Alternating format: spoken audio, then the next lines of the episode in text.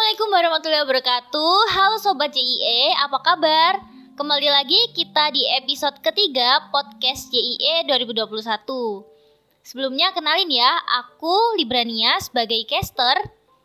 Di sini kita kedatangan narasumber keren loh dari divisi Ekraf sama divisi Pali. Langsung aja ya, biar kakak-kakaknya perkenalan perkenalkan nama aku Puja Liza Minuha dari Divisi Bali. Eh, salam kenal semuanya yang lagi dengerin podcast. Mungkin bisa lanjut ke satunya. Ya, halo Sobat JE. Kenalin nih, namaku Almas Baiduri, biasa dipanggil Almas ya. Jangan Baidurinya. Oke, terima kasih. Wah, narasumber kita keren banget ya. Ini para kadif dari divisi Ekraf dan divisi Pali.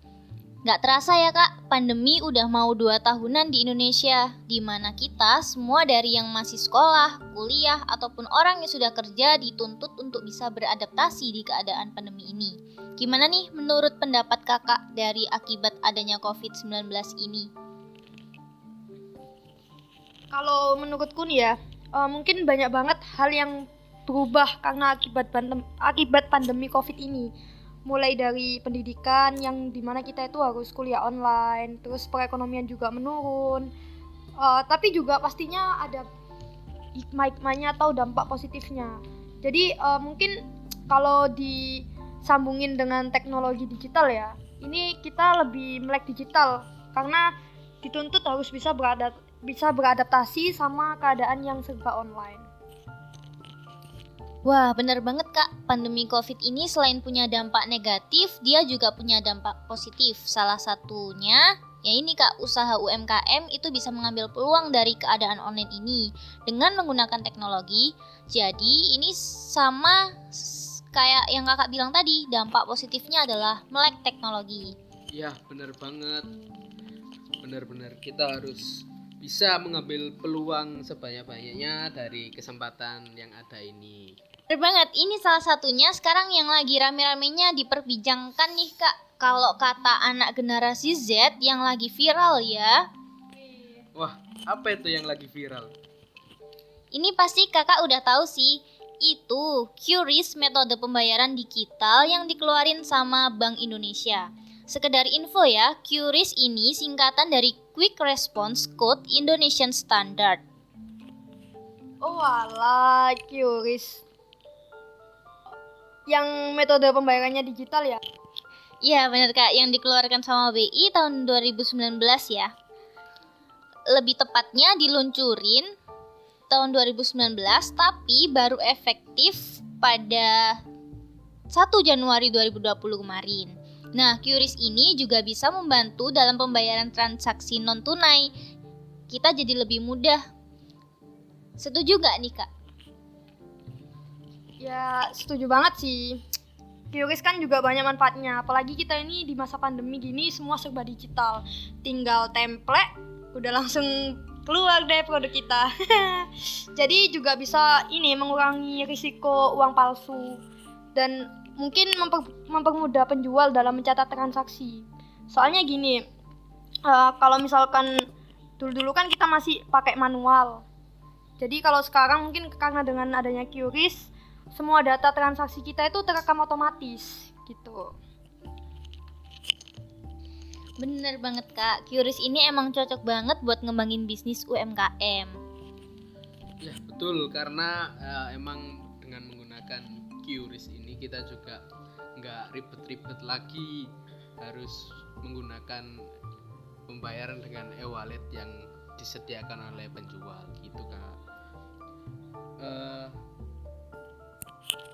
Nah, selain QRIS bisa ngembangin UMKM, QRIS ini juga bisa buat ngembangin bisnis loh, Kak. Bisnis kita sendiri, bisnis teman, keluarga, mantan terindah. Bercanda ya.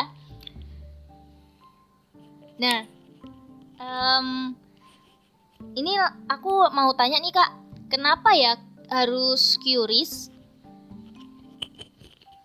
eh, kenapa harus QRIS?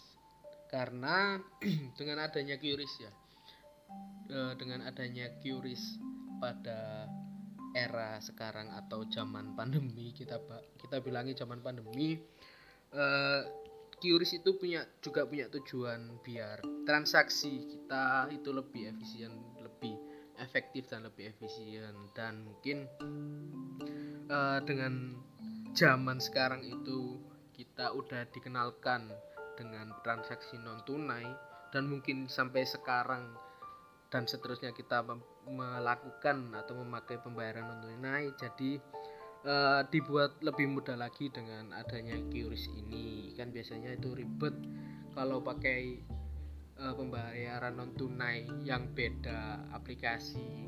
Itu jadi dengan adanya QRIS ini kita bisa meskipun beda aplikasi atau beda e-wallet kita tetap ya tetap bisa memakai e-wallet meskipun berbeda dengan adanya QRIS ini contoh uh, aku ini mau bayar PDH misalnya ke Almas gitu ya atau seragam seragam hima ternyata Mbak Almas itu cuma nyediain e-wallet uh, OVO dan Shopee Pay. Nah, aku pribadi cuma punya Dana dan nggak punya OVO dan Shopee Pay. Jadi uh, akhirnya aku menggunakan QRIS ini dengan biar bisa bayar PDH meskipun tanpa download OVO dan Shopee Pay gitu. Contohnya. Wah, keren banget ya, Kak. QRIS. Nah, um, kalau gitu lama kelamaan mungkin uang kertas ini bakal nggak kepake ya kak. Kalau uang kertas pada akhirnya tergantikan dengan payment gimana ya kak? Bisa jadi sih, mungkin uh, karena kan memang peluncuran QRIS ini kan merupakan salah satu implementasi dari visi sistem pembayaran Indonesia atau disebut SPI tahun 2025. Jadi kalau misalkan mungkin maraknya nggak sekarang ya 2025 pasti bakal marak sekali gitu. Menurutku juga mungkin uang kertas itu juga penting ya. Kalau misalkan uh, kadang kan banyak pedagang juga yang dia itu belum tahu tentang teknologi digital ini gitu. Jadi lebih banyak yang masih pakai uang kertas gitu. Hmm gitu ya. Jadi uh, sebenarnya ini masih belum merata sih kak ya. Mungkin pedagang-pedagang di luar sana masih ada yang belum tahu gimana caranya daftar QRIS dan syaratnya buat mendaftar QRIS itu apa aja. Nah mungkin kakak bisa jawab nih biar sobat JIE ini tahu gimana syarat buat mendaftar QRIS. Ya, untuk mendaftar nah sebetulnya gampang. Kita juga bisa mungkin kalau aku jelasinnya kurang detail bisa lihat di uh, Google atau di website yang tersedia di HP masing-masing. Uh, kalau setahu aku untuk melakukan pendaftaran QRIS itu cukup datang ke bank terus yang ada QRISnya yang yang membuka pelayanan tentang QRIS lalu uh, kita mengikuti prosedur pendaftaran dan QRISnya bakalan bisa langsung jadi gitu sobat JE Oh gitu ya kak. Nah um, kalau keunggulan dari QRIS sendiri dibanding yang lain itu apa ya kak? Kalau keunggulannya ya mungkin ini uh, kita bisa mudah belanja di luar negeri dengan menggunakan QRIS. Jadi misal nih kita jalan-jalan ke luar negeri terus beli barangnya kan pas mau bayar bisa langsung pakai cari kode barcode-nya gitu di toko tersebut dan langsung di scan. Jadi barang kita udah otomatis kebayar dan negara yang saat ini udah bisa transaksi pakai QRIS itu Thailand tapi Bank Indonesia juga lagi ngadain uji coba pembayaran di Malaysia gitu jadi nanti nggak perlu ribet harus cari money changer atau kita harus tukar mata uang dulu kayak biasanya gitu langsung aja kita scan barcode langsung keluar produk kita wih keren banget nih kak jadi uh, QRIS ini memang penting banget ya sebenarnya buat kita tahu dan kita pakai gitu. Nah, mungkin ada kesan-pesan buat menutup podcast pada hari ini, Kak. Mungkin kalau dari aku ya kesan-pesannya yang pertama enggak yang pertama sih, maksudnya kesan-pesannya itu eh, buat teman-teman mahasiswa sobat JIE dan mungkin da- dari yang lain juga nggak dari cuma dari JIE Eh, kesan kesan eh ya kesan dari aku mungkin dengan adanya QRIS ini di Indonesia ke depannya eh, tem dari UMKM yang belum maksudnya belum berkembang belum sukses gitulah. Itu dengan menggunakan menggunakan QRIS ini bisa jadi pembelinya lebih bisa lebih banyak karena eh, akses pembayarannya jadi lebih gampang. Lalu ya semoga saja begitu. Amin. Biar Indonesia ini juga bisa lebih maju perekonomiannya bisa melesat to the moon ya gitu. Terus untuk pesannya mungkin tem- dari teman-teman eh, sobat JI atau mahasiswa yang seperti aku pesannya eh, yang belum belum memakai e-wallet ya. Mungkin atau nggak mau memakai pembayaran secara non tunai mungkin eh, bisa lebih melek karena emang zaman sekarang kita di mana-mana eh, dibuat lebih gampang kok nggak mau gitu bahasanya. Karena emang dengan menggu- menggunakan e-wallet kita melakukan pembayaran itu gampang banget. Karena tinggal bawa HP itu bisa buat beli apa aja dan di mana aja gitu. Terus juga eh karena dengan adanya e-wallet ini kita ya nggak ribet-ribet bawa dompet yang ada uangnya banyak terus tiba-tiba dompetnya hilang hilang seuang uangnya kan jadinya malu dan eman dan nangis karena uangnya hilang gitu ya. Ya mungkin eh, gitu teman-teman. Jadi ke depannya lebih baik kita eh, nyimpan uangnya di wallet aja karena nggak bakal hilang. Yang terpenting karena eh, pakai wallet yang terpercaya jangan yang abal-abal.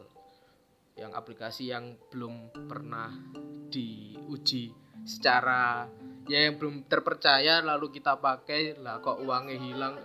Ya itu juga betul. Terus tiba-tiba uangnya database-nya hilang uang kita juga hilang kan jadinya perkara.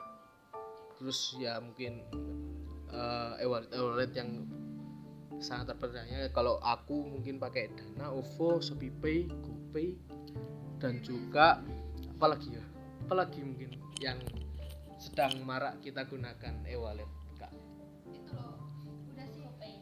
Ya GoPay, GoPay terus OVO, Dana, ShopeePay mungkin empat itu yang sedang kita ya pakai m-banking juga eh, bisa. Mungkin itu aja kesan dan pesan dari aku. Eh, semoga bisa dipahami oleh teman-teman yang mendengar. Kalau nggak paham bisa komen di eh, komen di bawah gitu Ya, mungkin dari Kak Almas ada kesan pesan juga nih buat sobat E. Ya, kalau menurutku aku udah setuju sih sama Bang Buja. Tapi mungkin ya aku mau menitip pesan juga kepada sobat CIE. Kalian kalau misalkan mau pakai QRIS, jangan lupa paketan datanya juga ada. jangan kalian punya uang di dompet digital tapi paketan kalian nggak ada paketan internet. sama aja bohong. Jadi menurutku itu aja sih. Oke, keren banget ya buat episode 3 kali ini. Manfaat dan ilmunya berguna banget nih. Kita bisa tahu tentang QRIS. Jadi buat sobat JIE, jangan lewatkan episode-episode selanjutnya dari podcast JIE ini ya, karena ada topik-topik menarik yang akan disajikan buat kamu. See you buat episode selanjutnya. Bye.